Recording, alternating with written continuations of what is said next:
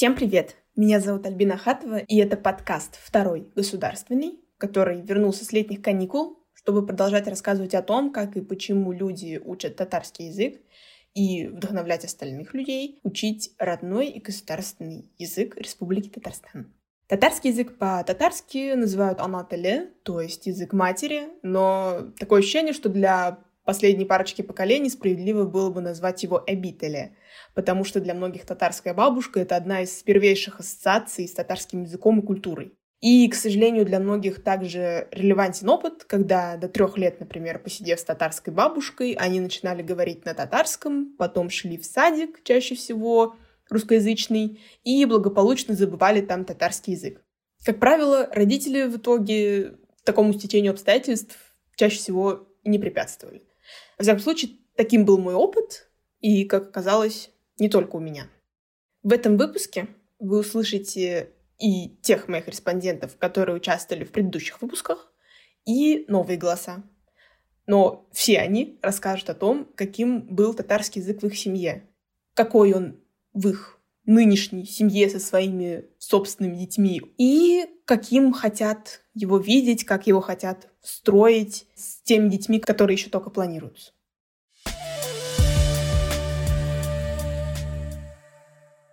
Сам я являюсь, конечно, татарином, и папа покойный татарин был, и мама татарка. Это Фарух, учащийся курсов татарского языка у Марта в Москве.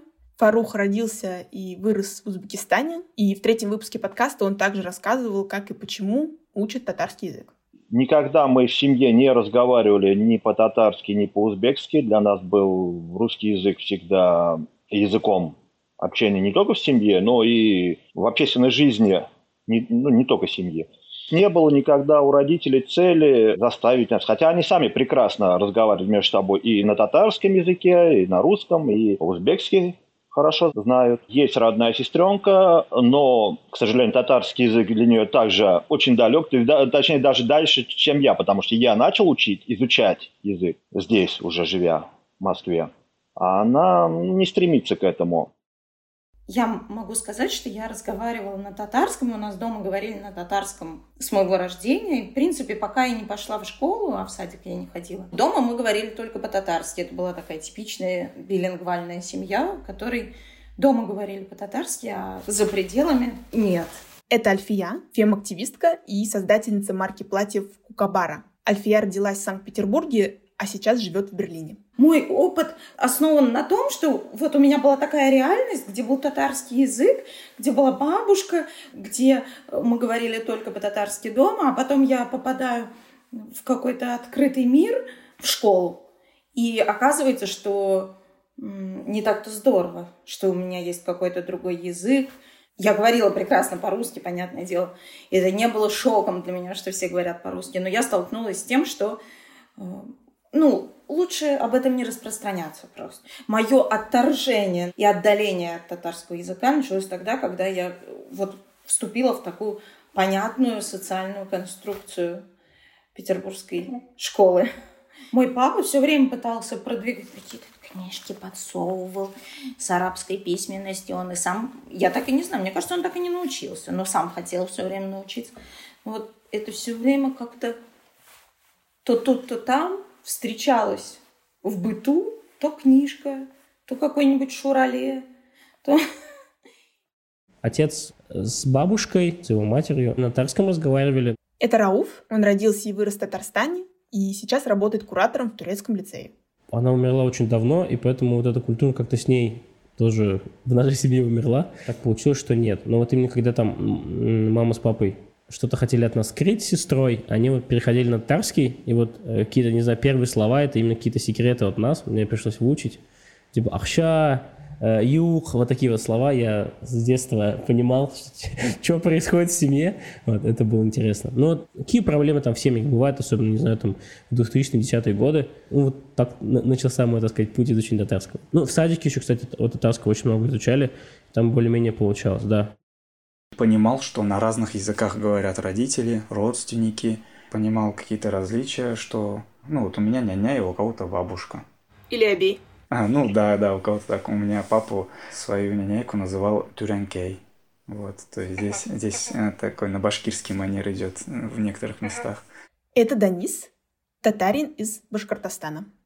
Ну и я помню, как ты спросил, а, мы кто? Он говорит, мы татары. Вот когда я говорю вот так, это татарский язык говорит. А когда вот а мы сейчас с тобой говорим на русском, вот. Ну и вот он таким образом объяснял. У меня в основном папа на татарском разговаривает, мама, она в основном только фразы некоторые может ставить там или отвечает э, папе на татарском. А моего старшего брата, у нас три года разница, его учили исключительно на татарском. Он разговаривал на татарском языке до садика. Он в три годика в садик пошел, и, получается, он в год заговорил, и два года на тот момент, это вот 90-е, а, он разговаривал только на татарском с родственниками, с родителями моими. Он пошел в садик и сразу же, практически через несколько месяцев, начал говорить только на русском. Это вот как родители рассказывают. Я, я вас спрашиваю, а почему вы со мной на татарском не разговаривали? Он говорит, мы подумали, что раз уж мой старший брат сразу стал разговаривать на русском, как только пошел в детский садик, то они решили меня не учить, просто разговаривать сразу на русском, чтобы как будто бы то ли легче было, то ли еще что-то подобное. Вот, я только слышал татарский язык. И я помню, отец часто говорил, как ты не понимаешь татарский, ты же в школе татарский учишь. Они, видимо, таким образом решили, может быть, как компенсировать то, что они со мной не разговаривали по-татарски. И ну, как отдать эту функцию школе. Может быть, так и было бы, но родители постарались. Это звуковой терапевт и музыкант Зеляфа. Она родилась и выросла в Ульяновской области и приехала после школы поступать в Казанский государственный университет. Рассказ Зели был совсем не похож на то, что я до этого слышала от других моих э, респондентов, так что даже во время разговора я немного растерялась. Вот, а у вас все прям такое хорошее и радостное. Мол, зачем вы сюда тогда пришли хвастаться, что ли? Ну, нет, я так не имела в виду, но просто это так прям неожиданно немного. Больше про Зилю и ее изучение татарского языка вы можете услышать в четвертом выпуске подкаста. Действительно, в три годика я пошла в детский сад, говорила там целый день на русском языке, но все равно, когда я возвращалась домой, мы дома говорили по-татарски. И так вот как-то татарский язык сохранился. Также к нам приезжали бабушки, родственники, и с ними мы говорили по-татарски. Моя мама русская. Она из России. Это Марсель Ганеев, казахстанский языковой активист. Вы могли слышать, как он рассказывает о своем опыте изучения татарского языка в третьем выпуске. Она родилась в Сибири и выросла в Саранске. Они встретились с моим папой в Петербурге, вместе там учились. Я вырос в Казахстане, учился в русской школе. В семье мы говорили по-русски. С мамой мы говорим по-русски, с папой по-татарски. Моя мама немного понимает по-татарски, но не говорит. Моя мама татарка. Так вышло, что мамина семья гораздо ближе нам. Это биоинформатик-вирусолог Юлия Вакуленко, учащаяся курсов татарского языка у Марта в Москве. Юлия выросла в Твери, но регулярно приезжала в гости к родственникам в Татарстан. Ее опыт изучения татарского языка вы также можете услышать в третьем выпуске подкаста. Татарские родственники самую большую роль как бы, в жизни нашей семьи играли и играют. Еще можно сказать, что в моей татарской семье говорят по-татарски все. И с детства дети, которые рождаются, а, с ними разговаривают на татарском. И как бы это очень считается важным в моей семье, вот, учить ребенка с детства разговаривать на языке. Я как бы, я приезжала летом в деревню, моя мама надеялась, что там я попаду в языковую среду, и меня научат разговаривать. А все остальные надеялись, что меня выучит мама. вот. И поэтому как-то не сложилось в взрослом возрасте. Каким-то правилам простым меня бабай пытался учить и их уже никак из моей головы не выбить. Все разговаривают на татарском, и ты знаешь базовые какие-то фразы. Но когда начинаются какие-то интересные истории, или люди разговаривают просто о жизни между собой, ты ничего не понимаешь. И так как особо не занимались тем, ну, не занимались тем, чтобы я хорошо его знала, то ты такой просто сидишь и как бы все говорят, да ладно, она понимает, она просто не очень хорошо, хорошо разговаривает. Иди сюда, поди сюда, она знает, а что еще? Ну ничего. Да зачем он нужен? вот, ну то есть вот те, кто живут в Татарстане, там все у нас. И мои племяшки с детства знают, с ними только на татарском разговаривают лет до четырех. А так как я жила в смешанной семье, ну, у нас не вышло.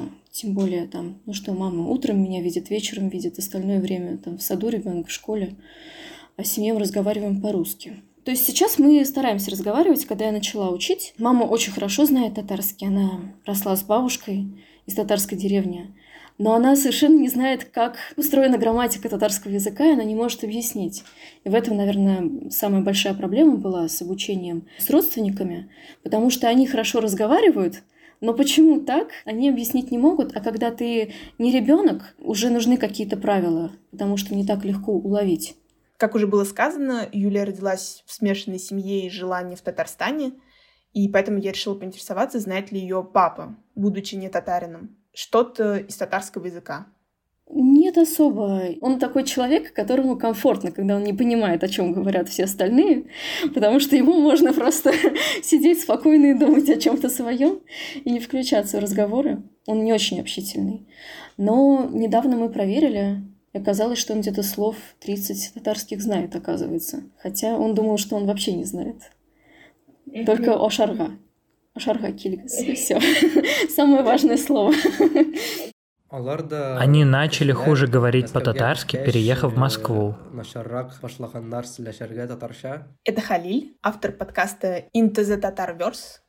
Халиля вы могли слышать в четвертом выпуске, где он рассказал о том, что тоже говорил на татарском языке до трех лет, пока не пошел в садик, и как он вспоминает язык сейчас. В этом выпуске Халиль рассказывает о татарском языке в своей семье.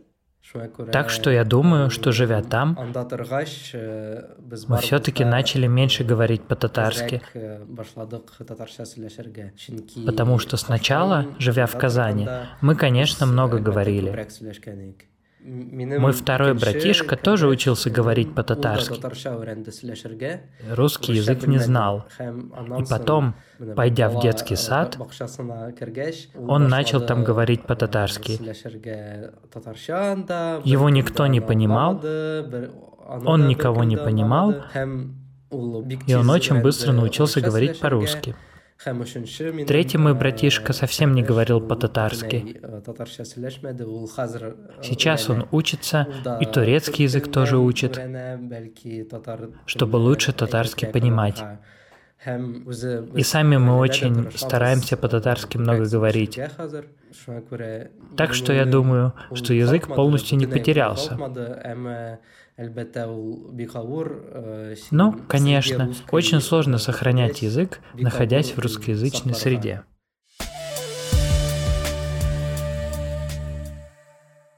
Сейчас у меня есть маленький ребенок. Ей полтора годика. Мы с ней говорим по-татарски. Бывает же так, что с бабушкой говоришь только по-татарски. С мамой, с папой тоже только по-татарски. По-русски ни слова. А в нашей семье мы сейчас с мужем мы можем переходить на русский язык. Например, на философские или политические темы. Я ведь сама учитель русского языка. Мой русский язык очень богатый. Но с дочкой мы говорим по-татарски. По-татарски она очень красиво говорит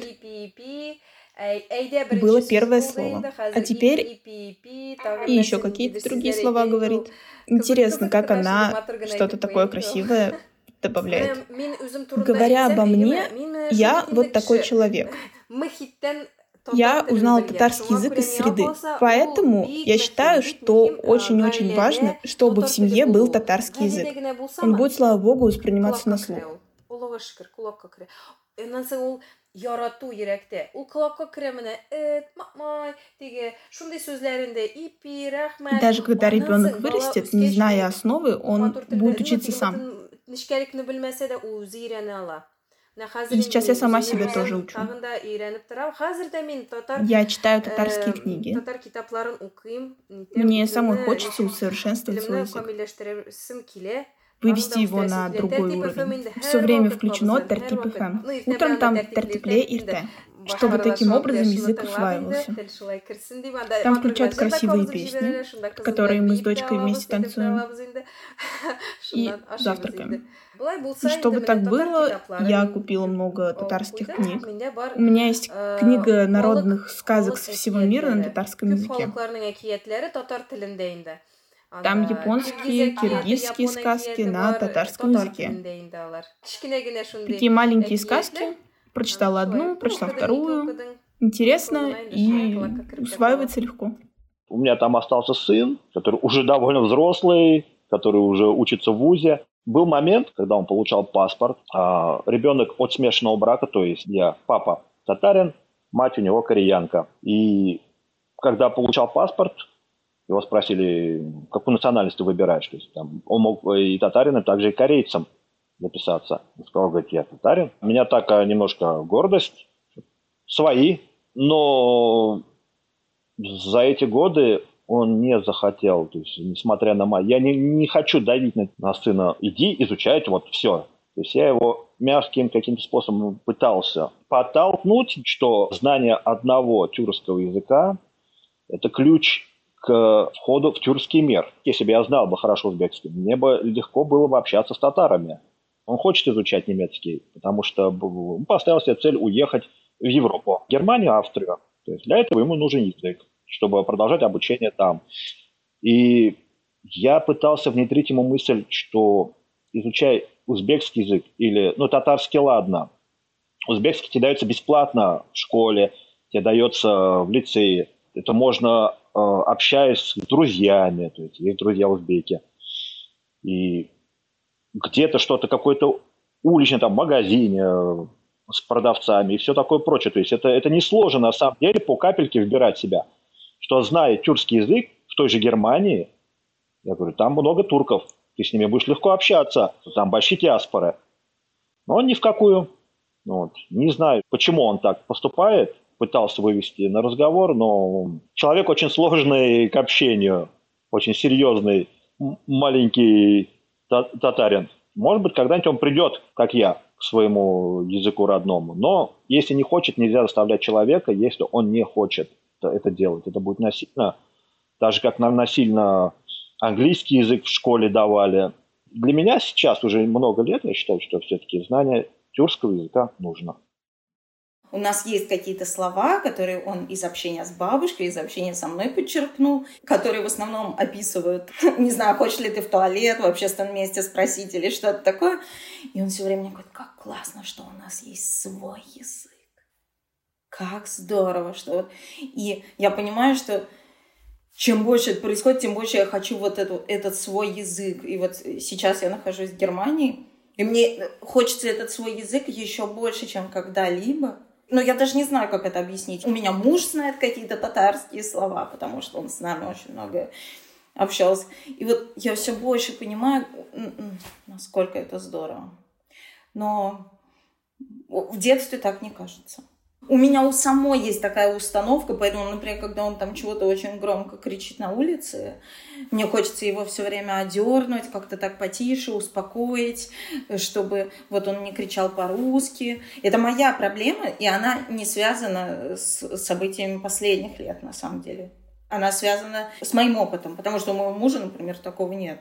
И не то, что это пример релевантный, что статистика у мужа нет, а у меня есть, но я понимаю, что я это откуда-то достаю из глубины, не то, что вот сейчас замолчи и все. Но мне кажется, что у ребенка такого нет. Он заявляет о том, что он наполовину татарин, где это классно и выгодно, тем более. А сейчас получается, что это все равно, потому что здесь мультикультуральность гораздо ощутимее, очевиднее он видит себя и частью таких ребят, и частью таких ребят. И ему от этого очень комфортно, мне кажется. И мне тоже стало это комфортно, потому что я понимаю, что я вообще очень много чего поняла, в том числе с, с началом войны. Я, я не хочу это больше прятать. И не я виновата, что я это прятала. У меня брат и сестра, они живут в Татарстане. Ну, как раз они там и жили, и они очень хорошо разговаривают, у них сейчас свои семьи, и у них очень хорошо получилось э, своим, со своими детьми э, выучить язык. Они в семье разговаривают исключительно на татарском и читают, и смотрят, и дети хорошо говорят. Но у них татарская школа, но мне кажется, что это не ключевую роль играет. Потому что ну, у них есть в классе дети, которые ну, не так хорошо, как они разговаривают. Мне кажется, здесь mm-hmm. это комплексно идет, то, что ты и дома это слышишь, и читаешь, и в школе.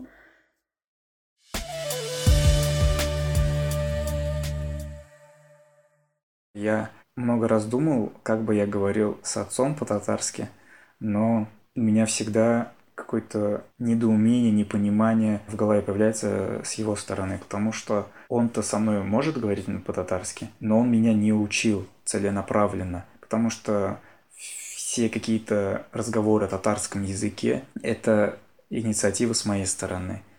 Когда, допустим, мы с ним куда-то едем, слушаем музыку, я говорю, тебе не кажется, что татарский язык похож вот на этот язык? К примеру, мы с ним выяснили, что слова татарское «тюп», то есть верхний, главный, и это а, английское «топ», тоже, ну, они похожи по звучанию, по написанию, по значению – он а, говорит а, еще, что слова «бябяй» похожи. У нас «бябяй», у них «бэби». ну, вот у нас вот такие разговоры идут. Он откликается на такие разговоры, но я всегда инициатор, вот. И для меня это психологический блок, я думаю, какой-то, наверное, культурный или дело привычки, скорее всего. Возможно, какой-то внутренний стыд. Я также думал, что это может быть скорее какой-то саботаж, внутренний, потому что я боюсь не достичь совершенства татарского языка. К примеру, на русском я могу очень хорошо говорить, то есть в обычном разговоре, а в татарском я так не могу, и вот ощущение, как будто бы, ну, я не добьюсь этого, и как будто бы, ну, и нет смысла начинать, но я стараюсь гнать от себя эти мысли. Вы говорите с кем-то из других родственников на татарском языке или нет? И вот это чувство, оно возникает у вас только вот в отношении папы или в отношении других родственников тоже оно появляется? Ну, оно практически со всеми родственниками у меня появляется, потому что папа, он, наверное, единственный из родственников, кто переехал в город, а в деревне, как многим известно, языки сохраняются лучше, чем в городах. И там в деревне многие говорили на татарском родственнике. И когда ты говоришь с ними на русском, чувствуешь какой-то стыд, улавливаешь вот эти тонкие нотки, что лучше говорить на татарском, но ты не можешь этого делать. Папа говорил, если ты не можешь говорить, или у тебя не получается говорить на татарском полноценно, ты хотя бы здоровайся. И я всегда со стороны папы здороваюсь. Исями каратай, исями няняй. Ну вот сейчас только киркотай есть. Вот и подхожу, говорю, исями кштатай. Он если что-то спрашивает, там, ае, юг, и ну, какие-то очень односложные предложения. А я помню даже вот случай такой был, что мне неловко стало. У меня картатай с папиной стороны, он мула, половину своей жизни. И он никогда ни мне, ни другим его внукам не заставлял читать намаз или учить Коран. Но про татарский язык он говорил очень много. И я помню, он у меня спрашивал что-то то ли про маму, то ли про брата в деревне это было. Я ему стал отвечать на русском, он мне сказал, «Нәрсәсен уруса сөйләшәсен, син бит урыс мин татарча сөйләшәм, татарча минем белән сөйләш». Мне это неловко стало татарский язык, ну вот он силен был вот таким образом. И нет ни одного родственника у меня, с кем бы я разговаривал полноценно на татарском. У меня нет, нет, нет такого опыта. Вы сказали про какие-то дурацкие ситуации, в которые вы попадали в детстве, когда пытались говорить на татарском. Это вот тоже было как-то с родственниками связано? Да, да, да, это вот было в деревне, когда я путал инструменты. Я в тот момент пытался одновременно и говорить на татарском. Мы ремонтировали сарай, и Картатай говорит, подай этот инструмент. Я не, точно не помню, какой это был, но я путал их просто, потому что они для меня на татарском как бы, в тот момент как будто бы звучали одинаково. Вот, я пытался отвечать на татарском, а это было очень глупо, и мне тогда братишка сказал, я сам, говорит, не надо. Он татарский лучше меня знает, он говорит, я сам не надо, говорит, буду подавать, ты там лучше на подхвате будь. Или, допустим, резкие вспышки татарского языка, я их называю. У меня бывало, спрашивали что-то на русском, ну, привыкшие, что я отвечаю на, на русском. Я резко начинал говорить на татарском, ни с того ни с сего. Просто, да, внезапно у меня были такие вспышки татарского языка, как я, как я сказал. Ну, и просто потом резко же обратно переходил на русский, и это тоже смотрелось, ну, ультра глупо, как мне казалось, вот. А это даже не была попытка ответить, ну вот, вежливо, то есть потому что он говорит со мной на татарском или еще что-то. Ну, глупая ситуация, я считаю. У нас там такая была фраза, просто коронная моего дяди, он так когда мы сидим за столом, кто-то что-то говорит на русский, он «Татарша силяшигас». Я очень его боялась в детстве. Когда он уходил, все такие «Ладно, ладно, там Юля, вот так и так». Вот так это переводится, то мы сказали. Для него очень важно сохранение родного языка. Он очень болеет за сохранение татарской культуры. Поэтому он всегда как бы всех призывал к тому, чтобы для меня этот процесс изучения легче прошел. Но еще, что касается бабушки с дедушкой, они, например, не так к этому критично относились. Потому что, ну, Эби даже рассказывала, они из деревни оба, оба поступили в высшее учебное заведение. И для бабушки большая травма была в ее юности, в студенчестве, что она из деревни, не зная русский толком, зная русский исключительно по книгам, приехала в Казань, где нужно было все сдавать на русском, и ей ее бабушка говорила, что «Ты что, зачем татарский? Он тебе только там до ворот дома нужен». Вот. Поэтому у нас как бы разные отношения в семье к изучению, и поэтому они так, что ладно, ладно, как бы, да ладно, не нужен татарский, ты вот живешь в Твери, ничего страшного. Хотя, когда я начала учить, когда я начала с ними разговаривать, радость в глазах и гордость, что я что-то знаю, точнее, они считают, что я уже хорошо разговариваю, что все, меня не продашь, что вот какой у меня хороший язык, они прям очень счастливы и горды, хотя для них как будто бы это не такую ценность имело во время моего детства, юности. Какие-то более сложные темы обычно шли на русском. Ну, так, то есть то, о чем со мной говорили на татарском, я хорошо усвоила, но, как бы, как я сейчас понимаю, все-таки и, и некогда было, и, может быть, там, ну, не то чтобы лень, а просто они не знали, как это делать не хватало у них силы воли, чтобы меня полностью обрубить от коммуникации на русском.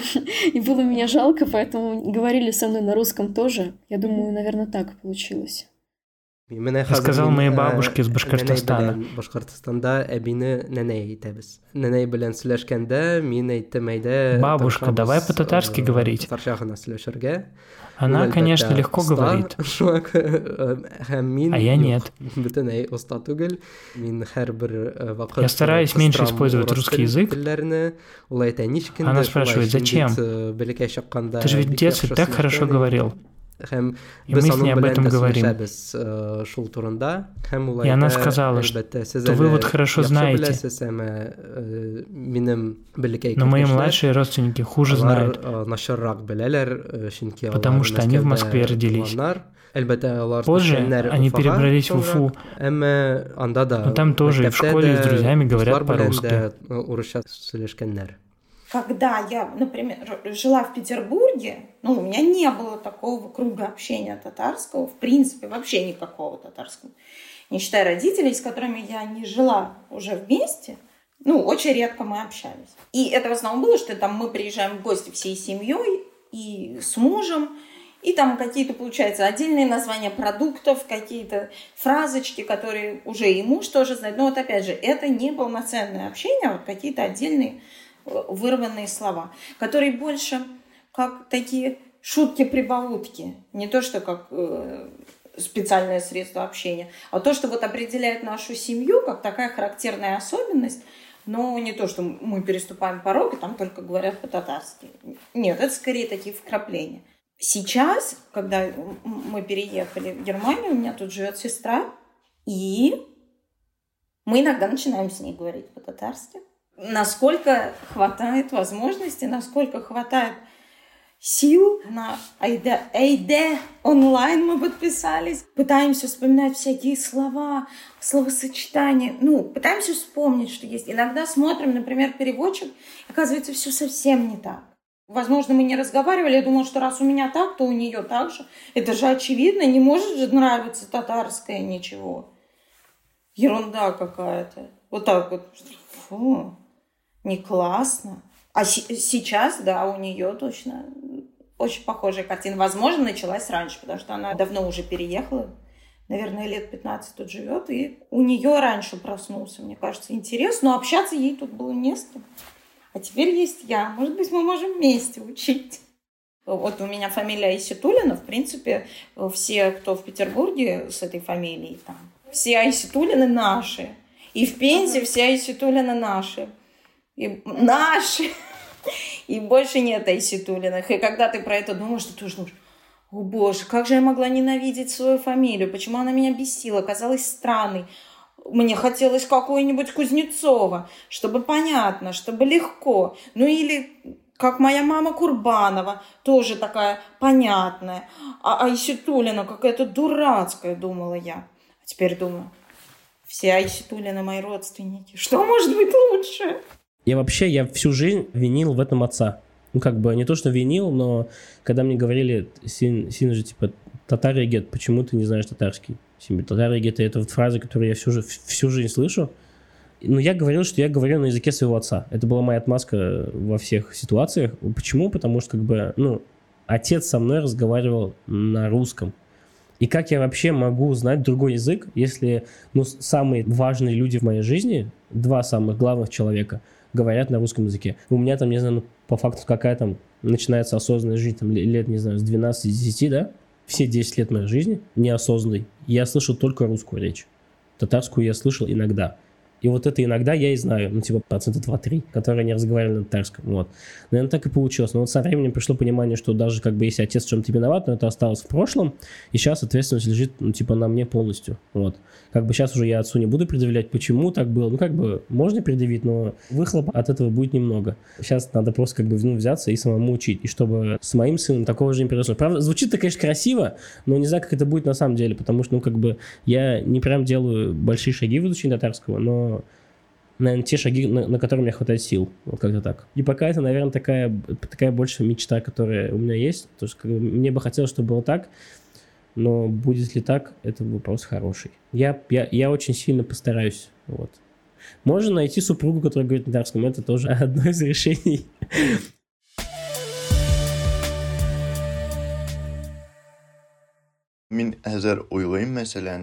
Я вот сейчас думаю, если у меня будут дети, что я буду делать? Потому что я по-татарски говорю, но это не мой первый язык. Но у меня есть такое желание дать моим детям татарский язык и на самом высоком уровне. И это очень большая работа, потому что нужно выстроить среду, найти им друзей, уроки давать, самому по-татарски говорить. И я написал на эту тему пост. И там был комментарий, который написала казахская девушка о своем опыте.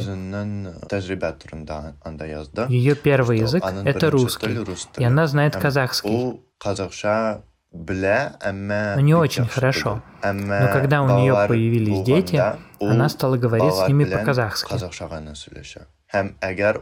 Если она какое-то слово не знает, то уходит в другую комнату, смотрит перевод на казахский, возвращается и говорит по-казахски, а по-русски ни слова не говорит. Тут нужна такая самоотверженность. Еще есть такой пример. Знаешь Супер Алису? Она поет по-татарски, но с русским акцентом.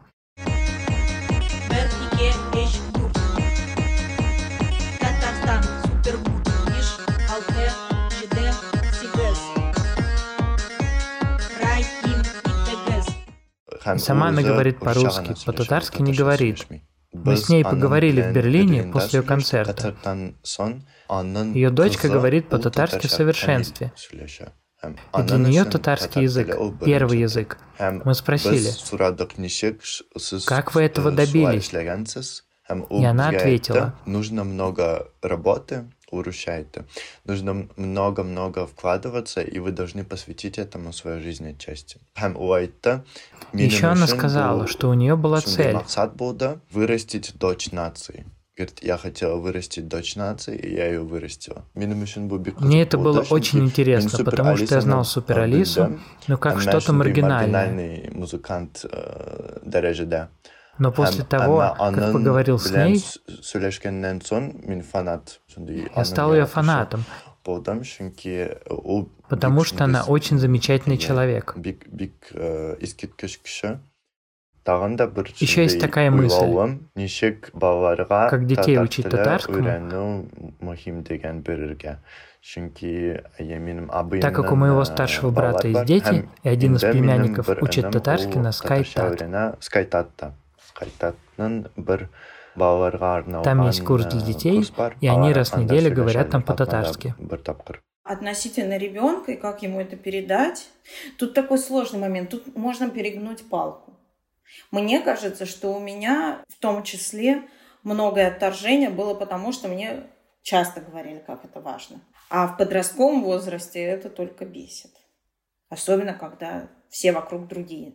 Ну, то есть я сейчас, возвращаясь назад туда, я благодарна за вот то, что они несли и такие все время предлагали, предлагали, а ты такой, фу, не хочу, фу, не хочу. И им же обидно и больно это.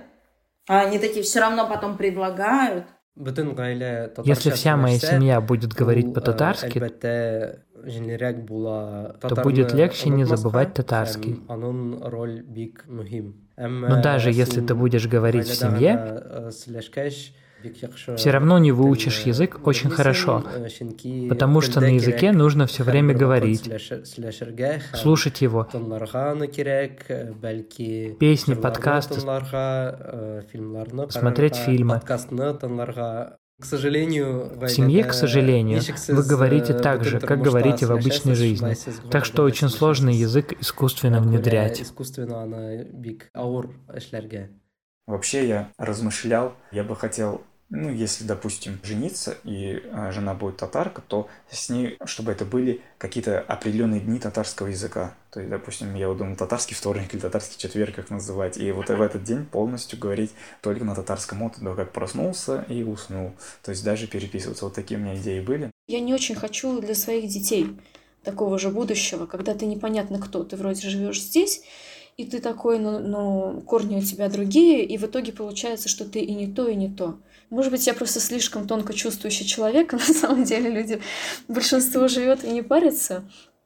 Но как-то это меня сподвигло, во всяком случае, на то, чтобы саму этот путь пройти и дать возможность своим детям тоже прикоснуться к этой культуре, конечно, потому что если ты не знаешь, что бабушки и дедушки могут попробовать выучить, но больше общения с родителями у детей. И если у вас дома нет ничего, что говорит о татарском, то никакие там деревни лет они не помогут.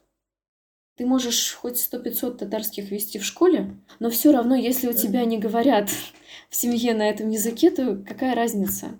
Дети учат английский по 10 лет и знают его плохо, потому что у них нет ситуации, где они его применяют. Мне кажется, стандарты преподавания даже английского в школе не очень хорошие, если мы возьмем какой-то другой язык.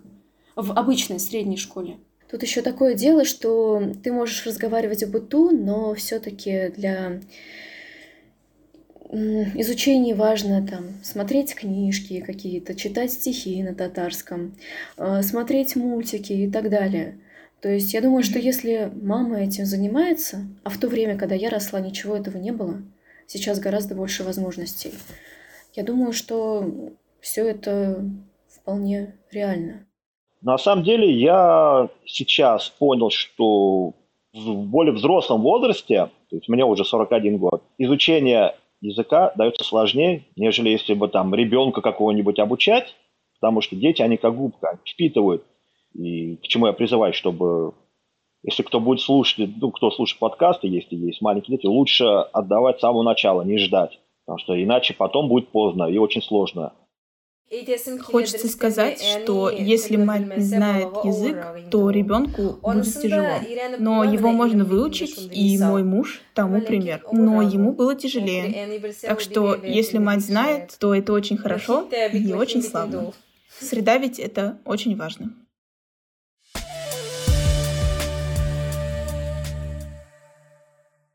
На сегодня это все.